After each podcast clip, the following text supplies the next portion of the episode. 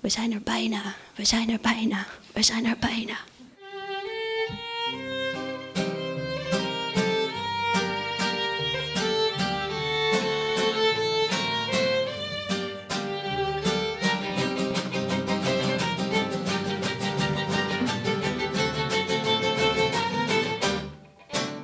Ik uh, ga echt door de mand vallen als uh, niet-alpinist. Uh, maar uh, los daarvan, um, ik heb, als ik niet kan slapen, ik heb een op, begin met een opportunistische vraag. Als ik niet kan slapen, dan um, stel ik me voor dat ik de Mount Everest ga beklimmen. Dat is trouwens best wel een handige truc. Um, en dan bereid ik me voor. Dat is, dat is de slaaptruc. Dus dan en ik heb volgens mij een, een voorbereiding die echt van lik mijn vestje is. Dus ik wat ik doe is, ik, ik, ik, smeer, ik smeer me in, eerst met vaseline. Omdat ik dacht, dat is een soort speklaag die je dan warm houdt. Doe, je, doe jij dat, of niet? Uh, nee. nee. Maar mensen doen dat wel, toch? Of niet? Nee, vaseline insmeren. Heb ik nog nooit gehoord eigenlijk. Ah ja. Maar... En dan doe ik, doe ik een skipak aan. Uh, ja, en dan val ik ofwel al in slaap. Dus ik heb niet hele grote slaapproblemen. Maar uh, ik stel me voor dat dus een, een, zeg maar de Mount Everest beklimmen het soort van... Ik weet niet, het een soort gruwelijkste is wat je kunt doen. Dus dat ik zeg maar heel goed voorbereid moet zijn. En ook, en dat is dus wel iets wat je heel goed in slaap helpt... dat je bed ineens een heel chill um, eiland wordt. Hè? Je bed is zeg maar tegendeel van de Mount Everest. Um, dus dan wordt zeg maar, het liggen in je bed al best wel chill. Maar nu vroeg ik me af of jij mij zou willen helpen met het uitbreiden van deze voorbereiding. Mocht ik zeg maar echte slaapproblemen krijgen, dat ik dan weet um, uh, dat ik het scenario dan heel veel langer kan maken. Dus ik vroeg me af of je um, zo uitgebreid mogelijk zou willen vertellen um, uh, hoe je je hebt voorbereid op het beklimmen van een berg in de Himalaya. Van 7000 meter, waar we het in, op de telefoon over gehad hebben. We hebben een voorgesprek gedaan. ja, dus zo uitgebreid mogelijk. Ja, maar dan kan je wel drie weken, drie weken in slaap vallen of zo, denk ik. Ja, ja precies. Schitterend. Uh, ja, er is gewoon eigenlijk een voorbereiding onder de vorm van ja, een planning. Ah, je moet eigenlijk eerst al met een idee afkomen enzovoort. Dus eigenlijk ja. is dat een project dat al een half jaar of een jaar, of dat echt al jaren in je hoofd ligt ja. te broeien. Um, voor veel bergen in de Himalaya dan, als we het toch over de Himalaya hebben, moet ja. je eigenlijk um, vaak toestemming krijgen van de overheid. Ginder. Je kunt niet gewoon ja, ja, ginder vliegen en gaan klimmen. Dus je moet echt uh, in de winter dan als je in de zomer gaat klimmen. Het hangt een beetje af van waar, in, de, in welke regio je wilt gaan klimmen. Maar veel is afhankelijk van de moesson, dus of je voor of na de moesson gaat. Um, dus je moet toch wel rekenen dat je ongeveer een half jaar op voorhand eigenlijk alle dossiers indient. En dat is echt wel heel veel papierwerk en heel veel rompslomp en mails verzamelen en ook ah ah ja, brieven van onze, de, de Belgische minister van Sport. Ook heeft dat niks te betekenen, maar heeft hij in India wel enige aanzien dat hij, dat, of dat zijn kabinet, dat u, ja, u een beetje aanbeveelt in India enzovoort. En zo krijg je dan meer kans om en wat, in die wat regio... zegt hij dan in die brief? Hier is Sam, hij is een super Ja, die beschrijft ons als een, een team, jong, uh, jongeren. Dat verkoopt beter, wij noemen ons altijd nog jongeren. Uh, ja, ja, dus dat is een beetje verkooppraatjes die wij eigenlijk op voorhand zelfs meestal opmaken en gewoon door zijn kabinet even een stempel ah, ja, ja. laten ondertekenen. En dan kunnen wij dan naar India en dan krijgen wij makkelijker een toestemming eigenlijk om te gaan klimmen. En ja, dat is nog met de nodige permits en ja. onze eigen geschiedenis, de klimgeschiedenis en al indienen. Dus je bent er heel hard op voorhand mee bezig. In een soort training, een voorbereiding ook ja. op voorhand in het kader van dat. En dan eigenlijk de eigenlijke expeditie hangt een beetje af van wat je gaat doen, hoe hoog enzovoort. En ja, als we dan toch spreken over een berg van 7000 meter, moet je vier tot vijf weken rekenen. Omdat je eigenlijk vooral met de hoogte eigenlijk... Ah, je moet er eerst al geraken, wat niet zo eenvoudig is in de Himalaya. En soms kan je bij wel, de berg? Ja, bij de berg. Tenzij je veel geld hebt, en dan kan je met een vliegtuig of ja, een helikopter ja, ja. daar laten afzetten. Dat is ook een mogelijkheid. Maar als je met een trekking naar daar, naar de berg toe, enzovoort, dan kan je toch wel rekenen op soms ja, een week tot twee weken. Dat duurt eer je aan de berg bent en dat je eigenlijk nog, niet, ah ja, nog niks gedaan hebt. Dan zit je wel op een hoogte van misschien 4.000, 5.000 meter, wat in de Himalaya wel redelijk normaal is. En die berg is 7.000 meter. En ondertussen ben je ook wel gewend aan die hoogte van 4.000, 5.000 meter, waar je eigenlijk ook voor moet acclimatiseren. Maar dat gebeurt dan gedurende die trekking. En ja, dan heb je nog, moet je acclimatiseren voor 7000 meter. En dan mag je toch wel ook ja, een week tot twee weken voor rekenen, eerder je eigenlijk geacclimatiseerd bent. En dat doe je meestal door andere bergen in de buurt. Ah ja, dat verschilt. Heel veel commerciële expedities, als je spreekt over Everest of zo, Ja. die gaan vaak dezelfde berg op en af. Maar Ja, ik zou ja. zelf persoonlijk zot worden als ik tien keer, ja, al drie keer de berg half ja, om heb dus te wennen aan beklommen, hoogte. om te winnen aan de hoogte. Dus wij gaan liever eigenlijk naburige bergen doen, om dan toch iets anders te doen. En dan, om dan, als je gewend bent aan de hoogte, de eigenlijke berg be- te beklimmen. Maar de eigenlijk echte beklimming van Everest of een andere berg van 7000 meter duurt drie, vier dagen op en af. Of, ah ja, hangt een beetje snel. Als je snel bent, dan één of twee dagen. Maar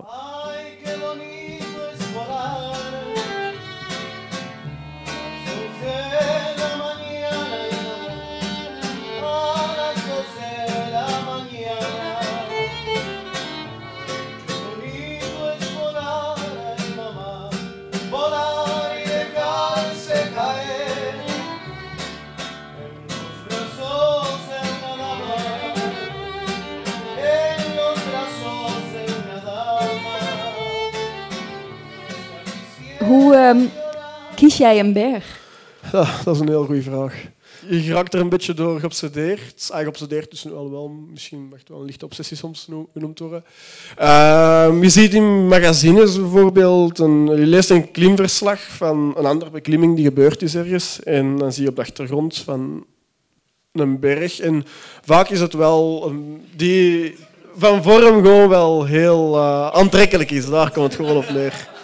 Als dat zo'n schone piramide is, of echt, ja, echt een, naald die uitsteekt, en als eh, de enige berg is eigenlijk in, op, eh, als een heel eh, een skyline zeg maar, hebt, en je hebt er echt zo één naald die uitsteekt, dat, dat steekt heel hard uit het oog. En heb je zoiets ja, misschien is er een leuke route op, of een, is het al gewoon mogelijk om te beklimmen.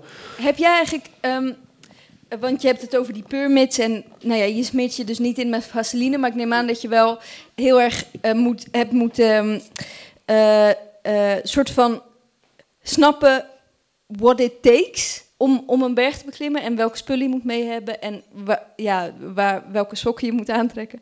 En ehm, he- hoe lang heeft het geduurd voordat je dat kon? Gewoon door te doen en Ja. af en toe heel stomme keuzes maken. En, Zoals welke? Eh, ja, en dat, eh, zoals welke, zoals eh, een beklimming ondernemen. Maar ik weet niet of het altijd stom is, want dat bezet je ook aan het denken. Ehm, een beklimming ondernemen met een klimpartner die misschien niet fit genoeg is. Ah ja, die was eigenlijk Oh, niet fit genoeg. En, en waarin was je dan de fout? Die en dat, ja, daar ik er misschien in geloofde, dat, ah ja, Oh, ja, of hem te overtuigd meenam of zo, maar dat is ook geen probleem. Ja. Maar ehm, uiteindelijk hadden we ook nog het idee, dat is misschien dan, ik, ik zie het vaak te groot en ik wil te veel en ik kan niet goed kiezen, dus dan kies ik alles. Dus we gingen de berg beklimmen, maar we gingen ook langs de achterkant afskiën. Dus we moesten ook Wow. skis mee op de rug dragen. En dan gingen we dat niet via een eenvoudige route doen, maar gingen we een technisch heel moeilijke route doen. Dus dat is dan misschien een beetje mijn fout, dat ik dat dan allemaal samen wil doen. En het komt erop neer dat we eigenlijk die dag, ja, tegen de namiddag, we zitten gewoon in de Alpen nog maar, ah, we zitten in de Alpen. En we zijn wel, want de meeste bergen beklim je eigenlijk in de loop van de nacht, ochtend. En de bedoeling is dat je tegen de middag boven bent, om eigenlijk in de namiddag, in het algemeen geldt een beetje de regel vanaf de namiddag warmt het op, kan er veel meer naar beneden vallen. Ehm, zijn er veel meer objectieve gevaren gewoon in de bergen. Dus de bedoeling is dat je tegen de middag op de top bent en dat je in de namiddag zo rap mogelijk afdaalt en weg bent. Uh, zeker in de zomer ook heb je in de namiddag heel veel onweders. Maar wij waren onweders. Ah, ah ja, namiddag onweer. onweders. Ja, ja. Uh, Je ja, zeker in. onweder. Ja, onweer, grappig. onweders. Ja, uh, misschien is dat Mooi. mijn eigen woord ervan, uh, dat kan ook wel zijn. Um, maar ja, wij waren putke winter, dus eigenlijk heb je dan geen onweer. Maar we zitten wel op een berg zonder slaapzak, zonder brander. Uh, Waarom? met- ja, we er in één dag gingen overgaan. Ah, en er is, er is zo'n gezegde in het klimmen, light is right. Uh, Dus hoe, en er is een beetje een filosofie rond. ehm, als je volledig gepakt en gezakt naar boven klimt dan heb je, en dan die skis nog eens meepakt, dan heb je een rugzak van 20, 30 kilo die je moet meesleuren en dan ga je heel traag. Dus je kan misschien soms beter gewoon zeggen van we pakken niks mee en dan speel je wel met bepaalde risico's, maar dan ben je misschien wel snel genoeg om die berg te beklimmen in één dag. Dus eh, een beklimming zeg maar, zonder rugzak kan zeg maar iets tien uur duren. En met die rugzak, met tent en eten. En want vanaf je zegt één overnachting en je wilt die overnachting comfortabel doen, komt er een tent mee. Moet je in een slaapzak slapen, eventueel nog een matje. Komt er ja, eten bij voor een, extra, eh, voor een avond, een extra ochtend. Gas, een vuur en alles. er komt echt heel veel bij kijken. Maar begrijp ik het goed, dat je dus eh, ehm, heel veel moeite doet om zeg maar zo snel mogelijk die berg weer vanaf te zijn? Of? Ja, ja, ja. Ah, ja. Dat is- eigenlijk vanaf dat je begint te beklimmen is het echt gewoon dan... Nu start mijn gevarenzone en je wilt zo rap mogelijk die berg op. Ja, ja, ja. En rap, Maar dan vanaf een bepaald punt neem ik aan, toch? Of niet? vanaf dat je de, ja, start met klimmen. Want meestal je verlaat een hut of je... En met klimmen bedoel jij dit, toch? Zeg maar Ja, vanaf dat je echt... Ja, ja. Nee, wandelen en over de gletsjer is naar mijn inziens ook niet gevaarlijk, maar dan hang je wel aan een touw en dan kan je Ja, wel lelijk ja. vallen. Maar vanaf dat je echt begint te klimmen, echt, vanaf dat je echt omhoog gaat op de berg, dan start het gevaar. En dat is wel Ja. de bedoeling dat... Wat ik wou zeggen, van, we zijn uiteindelijk aan het klimmen en halverwege hebben we door van... Deze komt niet goed, we halen een top sowieso niet, we moeten ergens bivakeren, dus dat is slapen in de wand. Hoe, hoe weet je dat, dat het niet goed komt? ja, ik bedoel, het, Omdat 7, 8 uur s'avonds, het wordt donker Ja. en ja, oh, de top is nog niet te, te, te bekennen. En dan, eh, ja, uiteindelijk graven we dan zo'n soort shit, zit je in het ijs. En we zitten met twee naast elkaar. En de ene valt in slaap op de andere. De benen zo wat leggen we over elkaar, een beetje knuffelen. Elkaar er warm houden. En zo al springend zeg maar, krijg je het uiteindelijk warm. Dan Ja. val je in slaap voor een kwartier. En dan na een kwartier word je terug wakker van de onderkoeling. Want we hebben wel geen slaapgrij of niks mee. Maar voor- begrijp ik het ook goed dat je, zeg maar, in wat je aan het beschrijven bent, dat kwartier en dit, dat je nog aan het hangen bent? Nee, je Je- zit echt op een richeltje. Dus Ah, ja, je zit eigenlijk in een ja, ijswand ja. die liefst zo plat mogelijk is. En daar kap je een zitje in uit. Ja. En daar zit je. En dan is dat eventjes wat Ja. springen tot wanneer het warm wordt. En dan kun je in slaap vallen. En dan een kwartier later word je terug wakker. En zo breng je de nacht door. Maar ik wou zeggen, van, Ja. uiteindelijk achteraf heb je zoiets van... Ja, eh, het was heel dom. Maar dan toch, ja, eigenlijk... Ja, dat gaat toch wel. Maar Is, is een slaapzak zo nodig Ja. in ja. de winter bij min 15 in de Alpen.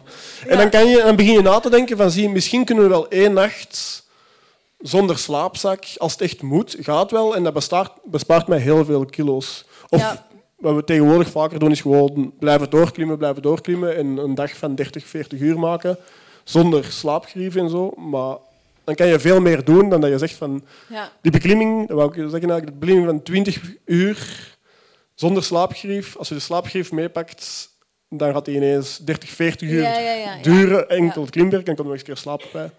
Heb je dan Dus- wel eens... En zo leer je wel een beetje wat dom is en niet dom is. En sommige domme dingen lijken dan toch weer ergens een zekere logica te ja. hebben. En is het niet zo dat dom in dat soort contexten best wel grote consequenties kan hebben? Eh, ja, dat wel. Ja. Ja. En heb jij die al ondervonden? Ehm, Ja, je leeft dus sowieso tot op zekere hoogte. Ehm, ja, eh, er zijn al wel wat ongelukken gebeurd. Eh, heel dicht bij mij ook al wel. Maar ik ben nog altijd van mening dat geen enkel van die ongevallen echt te wijten is aan... een Foute keuzes. Domme, ja, een domme... Ja, één, echt drie heel goede vrienden van mij die ooit uh, die verongelukt zijn in Peru. Dat ergens een domme keuze was, omdat als ik die berg zie en je ziet wat er nog allemaal te klimmen valt in Peru, dan is dat wel van, ja, waarom Die, van, ja, waarom die berg? want te moeilijk. Of, of- nee, eh, nee, dat ook niet. Er hangt gewoon een grote ijskap op die berg. En, ja, een serac noemen wij dat. Eh, wordt dat genoemd. En om de pakt vijf, zes keer per jaar valt er een grote massa ijs af. Maar dat is echt eh, kamionblokken zo groot als auto's die naar beneden vallen. En, en dat is altijd een beetje een afweging. Hè, want geen enkele klimmer kan veilig. Zelfs veel skiers beseffen het misschien niet. ja. Maar veel skigebieden gaan af en toe wel een piste of ga wel even onder een gevaarlijke zone door, of een regelmatige lawinezone. Maar dat is dan ene keer om de... Ja, maar dat is vijf seconden dat vijf keer voorvalt op een jaar dat je daar niet mocht zijn. En dat is een beetje een risico dat je altijd neemt. En ze hebben eigenlijk een route geklommen onder die Sirax door. En voor hun leek dat toen, maar ik kan er niet over oordelen, leek dat allemaal veilig om drie uur onder die Sirax door te klimmen. Terwijl ik altijd van mening ben, drie uur is te lang. Maar soms zou ik wel zo ja, je maakt zo'n beetje een afweging. Ja, maar uiteindelijk maakt het niet uit of je er drie uur onder klimt of er een dag onder klimt of vijf minuten. Je moet er gewoon niet die vijf minuten zijn. Ja, ja, Wanneer het naar beneden valt, maar dat weet je niet. Dus dat is een beetje zo'n een Russische roulette. Dus ik kan niet echt Maar overtuigd dat, dat eh, zeggen... doen mensen vrijwillig. Hè? Eh, eh, ja, ja, precies. ja, dat, ja, voilà. Maar ik denk dat wij allemaal heel veel dingen vrijwillig doen die eigenlijk wel bepaalde consequenties hebben. En Ja. Ja, niet ik denk dat veel mensen dan niet bij bewust staan. En wij doen dat vrijwillig, maar wij staan ook wel heel bewust bij de consequenties Ja, eigenlijk. Is het Ja, zo dat je, dat je dat moment dat je net beschreef, waarin je dus hangt eh, en het is acht uur 's avonds. ehm, ja, in, in, in mijn beeld, ehm, maar dat zeg ik misschien ook uit eh, convenience, eh, zie je dan wel bijna de top? Of niet? Eh, Dus in, mijn Ja, beeld hang je zeg maar 80 meter boven de top. Is er dan iets zeg maar in dat gebied van tussen jou en de top? Is er zeg maar een punt van wan- vanaf wanneer die aantrekking te groot wordt of zo? Terwijl je eigenlijk terug zou moeten gaan misschien? nee, dat denk ik nooit, want ik ben echt al... eh, 80 meter is heel dichtbij. Ah ja, oké. Eh, is- hoewel dat ook... eh, die, die hoogte inschatten en de afstand inschatten, dat gaat ook. Dingen lijken heel rap heel dichtbij. Terwijl, eh, ja, ja. Ja, als ik weet 80 meter, dan weet ik echt wel. Maar gelijk op 300 meter lijkt het ook al wel. Wij, wij klimmen met een touw meestal van 60 meter. Dus we noemen dat een touwlengte. En dan kun je wel zien van, ah, nog drie, vier touwlengtes en dan zijn we boven. En meestal is dat gewoon wel dubbele. Hetzelfde ook als we afdalen. Oh, ja. En dan dalen we terug op het touw af. En dan zie je zo beneden de gletsjer. En dan denk je, ja, nog twee rappels. Dus nog twee keer een touwlengte afdalen. En we staan op de gletsjer. En uiteindelijk vijf leng- touwlengtes later ben je er nog niet. Dus die diepte inschatten, ah, nu weet ik wel gewoon als ik denk nog drie, dan zeg ik Is het zal wel zes zijn of zelfs nog meer. Ehm, maar dus die hoogte inschatten, maar u weet wel gewoon heel, als, als het tijd is om terug te keren, dan is het gewoon tijd om terug Ja. te keren. En, ah, dat is altijd wel een beetje een moeilijke keuze, hoewel wij een beetje uniform wel een beetje in de weg doet. Vanaf dat iemand terug wilt, gaat hij nooit overtuigen. Gaat nooit zeggen van, ah, ik kom nog een beetje verder. Oh, ja. dat iemand zegt, ik wil terug, dan, dan, eh, ja, dan gaan we terug. En dat maakt dan niet uit om, ja, pas op, als het dan echt een flauwe reden is, dan kan ik wel even zeggen van, kom aan. Maar er zijn heel veel... Wat is dan als een flauwe reden? Ehm, ja, dat weet ik niet direct, maar... Nee, maar ik bedoel, als hij moe is, of als hij het inderdaad niet... ah ja, eh, als hem iemand mist of zo, dan gaan we niet Oh. voor teruggaan. Ehm, of, maar als hij moe is, zich ziek voelt, als hij zich gewoon niet, met de situatie niet veilig voelt of zo, of zoiets heeft van ik vertrouw deze niet, want dat is uiteindelijk ook... Ja, je hangt aan elkaar, je vertrouwt ergens elkaar, Ja. elkaars leven toe. Ja, En soms hangen zelfs, ah, je hangt wel met een touw aan elkaar vast en je hebt tussenzekeringen die een val ja. tot beneden... ja. Breken. Toch of niet? Ja, dan beneden gaat niet meer, maar ja, je valt altijd wel dubbel voor je laatste tussenzekering. En Ja. Zeker in alpien terrein kan al rap een val van zijn van 10, tot 15 meter. Die als je los in het touw valt, voel je er niks van. Dat, dat touw Ja. dat rekt. Maar als er halverwege ergens een terras ligt waarop komt en zo, dan, Ja. ja. dan loopt dat wel fout eraf. Ehm, dus, maar je hangt wel aan elkaar met dat touw, dus dat is zeker ja, vertrouwen. En ik heb zelf gewoon zoiets van, ik zou het niet willen meemaken dat er op een dag een van mijn, dat ik aan het klimmen ben met een van mijn vrienden en dat die eh, zich niet goed voelt of zoiets van nee Sam, gelijk dat ik zeg, juist die, dat die beslissing van onder een serak door te gaan, van we moeten er onderdoor, we moeten eventjes onder die seraklijn doorklimmen, hoe lang zitten we eronder? Ja, een kwartier, dit, dat. En hij zegt van nee, ik, ik, wil er niet, ik wil er niet zo lang onder. En ik overtuig hem om er wel onder door te gaan. Eh, en een dag, die een dag valt alles naar beneden. Eh, ik wil dat niet op mijn geweten hebben. Dus als die, ah ja, dat bespreek je op voorhand. Hè. Ja, ja, Eh, ja. Ik vertrek niet in een route zonder met hem gewoon duidelijk af te spreken van dat is dat oké of niet? Ja. En als hij er twijfels over heeft, dan is het gewoon van ja, we gaan misschien wel iets anders doen. Want ik wil niet daarboven staan om dan die discussie te Ja. hebben daarboven.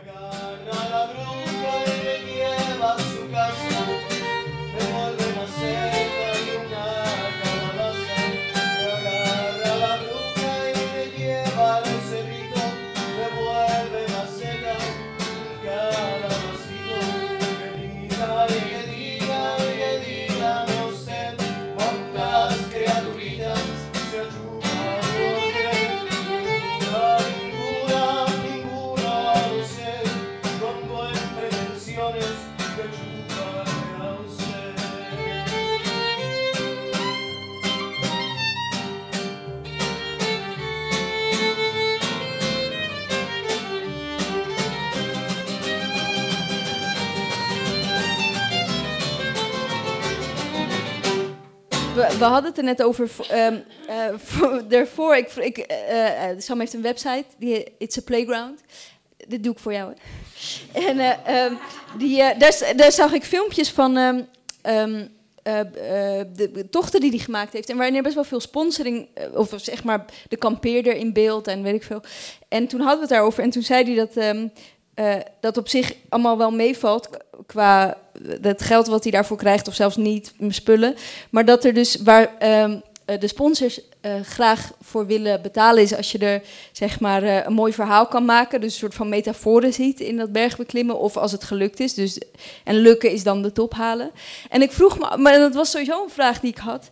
In hoeverre dus dat bergbeklimmen. ehm, ehm, zeg maar, is het voor jouw gevoel een soort situatie eh, die je opzoekt, omdat het, eh, die je in het dagelijks leven nooit meemaakt. Zeg maar die soort van bijna afhankelijkheid van elkaar en dat vertrouwen dat je moet hebben en die heftigheid. En, ehm, of, of, is het, of lijkt het heel erg op elkaar?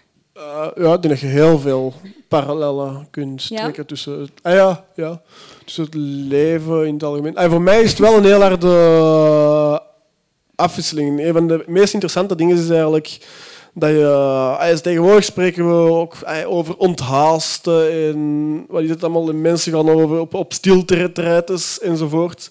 En onbewust, of ah, je hebt nu juist, de, hoe noem het nu weer, de de maand dat iemand, eh, of dat weinig mensen alcohol de, toenemen mineraal. Als ik in de bergen op expeditie zit, heb ik een maand geen alcohol. Omdat dat er gewoon niet verradig is als je in Pakistan zit of in... dus eh, je hebt heel veel van die aspecten, of inderdaad stilte of gewoon geen internet, voor een maand lang. En dus dat zijn zo heel veel onderbewust. Dus voor mij heel belangrijk, zo die afwisseling. in. als ik heel lang in België ben, dan ja, kijk er ook naar uit in bergen. In de ik ook heel, heb ik heel veel rust om eigenlijk alles wat ik hier doe, in de keuzes die ik maak in België, om die te overdenken. En dat heeft voor mij een heel harde waarde, eigenlijk, omdat ik in België heel hard kan dromen van de projecten die ik in de bergen wil realiseren. En dat ik eigenlijk dan in de bergen echt alle rust en tijd heb om eigenlijk eens een keer heel hard stil te staan van wat ben ik eigenlijk allemaal aan het doen in België en wat ben ik aan het doen met mijn werk en mijn persoonlijk leven en welke richting gaat dat uit? Wil ik dat eigenlijk wel?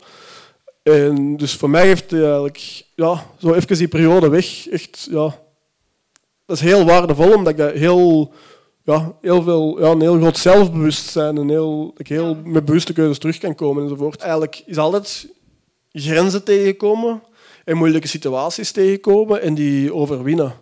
En uiteindelijk bouwt dat wel een soort zelfvertrouwen op dat een hindernis. En, hey, in, in het klimmen is dat zo, je staat ergens onder en je zit er met twee en je klimt eigenlijk om te beurten. En uw klimpartner komt er eerst onder en die is heel blij van mij. Dat ziet er heel lelijk en heel moeilijk en gevaarlijk uit. Maar de Sam moet naar boven, of andersom, ik kom er eerst en mijn klimpartner moet dan eigenlijk naar boven. En die zegt, ik durf het niet. En eigenlijk durfde jij het ook niet, maar goed, er is wel naar boven. En met veel zuchten en angstmomenten, ook daarboven enzovoort, ga ik er wel door. En is het, ehm, ja, ik heb dus zelf ehm, deze zomer een wandeltocht gemaakt in de Alpen. En eh, ik vond het best wel zwaar. Ehm, en ik, ik eh, duurde lang voordat ik boven was. En nou, heuveltje was het maar. maar eh, en dan, En dan afdalen. En het was gewoon best wel afzien. En toen dacht ik ineens, toen ik beneden was, van fuck jongen, wat als dit zeg maar eigenlijk het leven is? Zeg maar, deze verhouding afzien en kutheid voor zeg maar dan twee minuten uitzicht en dan weer afdalen. Heb, je, heb jij dat gevoel, zeg maar, dat, dat de verhouding afzien en pijn en, en iets bereiken, dat dat, de, ja, dat dat in dezelfde verhouding staat ongeveer in het leven als in bergbeklimmen? Of is het bergbeklimmen niet zo afzien voor jou? Ehm, ja, de afzien wou eigenlijk al, maar ja, dan begin ik u vragen te stellen, dat klopt niet. Nee, ik wou Nee, zeggen van, kan je nu nog zo overtuigd zeggen dat dat afzien was, of was dat eigenlijk wel de moeite waard? Ehm, Eh, nee, precies. Nu kan ik wel zeggen dat het inderdaad de moeite waard is. Maar, maar ehm, eh, dat is natuurlijk met veel dingen dat je ze zeg maar gedaan wil hebben. En ze niet per se doen. Of niet? Ja, kun ze niet doen, eh, gedaan hebben zonder ze te doen. Er is ook wel een soort gezeg, gezegde, dat, ah, gezegde niet, maar zeggen wel gewoon... Goede alpinisten hebben een slecht geheugen. Want als je twee keer, Oh, ja, eh, als je zou herinneren wat je allemaal hebt moeten doorstaan om die top te bereiken, zou je dat gewoon nooit meer doen. en er zit wel een, eh, enige logica soms in, gewoon, als je er een beetje naar kijkt. ja, En, dus ja. ja. En dat heb ik inderdaad gewoon zoiets zoals ik de juiste verhaal vertel. Van zit er op die berg en het is min 15, min 20 en geen slaapzak en de hele nacht koud. En de volgende ochtend komt de zon er terug door. En je hebt geen eten, geen drinken, maar uiteindelijk raakt je wel beneden. Ja, ja, dat was koud. En, maar ja, ja, ja. Als het voorbij is. is het, het, ging, het ging eigenlijk wel. We zijn er bijna. We zijn er bijna. We zijn er bijna.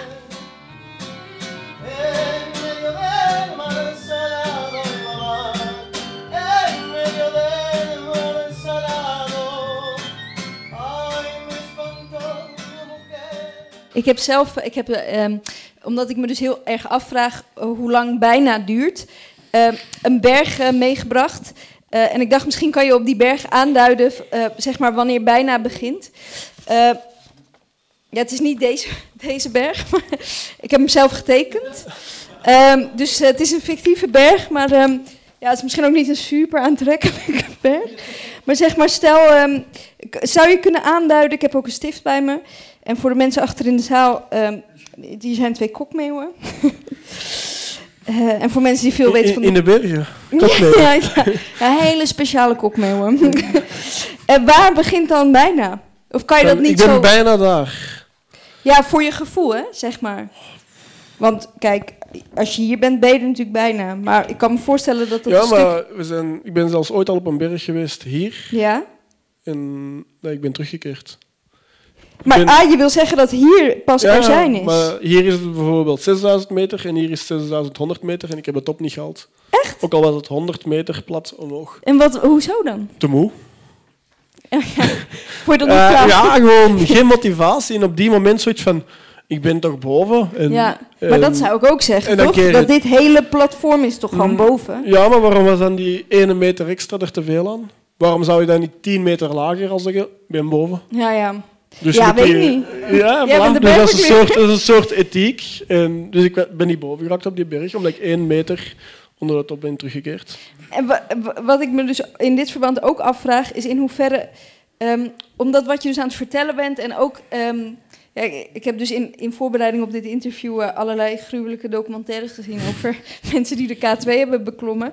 En toen dacht ik echt, waarom jongen, waarom? Maar toen mijn antwoord daarop een beetje was, en correct me if I'm wrong, ehm, is, ik dacht misschien is er zeg maar ik weet niet. Eh, naar aanleiding van deze maandagavond ook over denkend over bijna. Ik dacht, oh ja, eigenlijk is alles bijna. Leven op een soort bijna planeet. En is misschien creëer je wel zo'n situatie waarin je er op één moment echt bent of zo. En dat dat zeg maar in het, in het echte leven gewoon nooit gebeurt. Eh, ja, maar dat is beneden. Oh, in, oh, beneden ben je er pas echt. Ja. Ah ja, tuurlijk, omdat je de berg nog af moet. Ja. En, maar, en, en eh, hoe voelt dat dan? Is het zeg maar Ehm. iets vergelijkbaar met dat gevoel? Ik weet niet, dat is heel ontlastend van stress, want uiteindelijk start je met klimmen en afhankelijk van de ook, want Oh, de grootte van de berg is nooit duidelijk. Als je zegt bijna, en dat is een berg waar je een dag op en af geraakt, dan is ah ja, dan is het inderdaad bijna, misschien aan het begin, denk ik dat deze sneeuwgrens is, dan kan je misschien wel zeggen van ja, je bent er bijna. Als dat een berg als K2 is, dan heb je vijf dagen nodig van hier tot daar. En dan zou ik wel zeggen dat bijna eigenlijk hier op het laatste plateau is. Van Ja, ja, ja. Bijna is nog een half uur naar, naar de berg of zo. Maar uiteindelijk start je met klimmen en beland je wel in een soort focus en stress. En je hebt moeilijkheden. Vaak is het ook gewoon, zeker als dat een bekende route is, staat die beschreven. En dan weet je ook wat de moeilijke passages zijn. En je hebt echt wel een gevoel van, yes, we noemen dat de crux, wordt dat dan in het Engels genoemd. En we zijn de crux door. Dus dan weet je vanaf hier, nu zijn we, de moeilijkste, st- zijn we het moeilijkste stuk gepasseerd. Dus dat is al een heel grote ontlading, echt wel. Ja, ja. waar we echt al wel, we, we liggen brullen van, ah, we, Ah, ja, zijn, ja. we zijn door de crux door, ook al weet je dan nog dat Maar je nog dat drie dagen verder moet. Meer Maar- er zijn dan het punt zelf. Dat je soort... Boven, boven is er zelden, dat is zo, ja, goed. is geen fuck aan eigenlijk. Nee, Ja. omdat je inderdaad ook al ietsje ervoor al beseft van, oké, het, is, het, het mogelijk, deze gaan we halen. Je ziet hè, op, een, ja, op sommige beklimmingen, je komt altijd in een punt van, oké, maar dan ben je eigenlijk nog niet op een top, maar dan weet je wel van, dit komt goed. En dan op de top is dat inderdaad gewoon, ja, we zijn boven. En dan terug naar beneden. Maar het is pas als je echt beneden staat en dat touw kan uitdoen en eigenlijk ja, misschien wel die verbindenis van dat touw tussen jullie twee, eigenlijk hang je elkaar leven, elkaar vast. En omdat je die kunt verbreken, dat je zoiets hebt van, het is ons gelukt.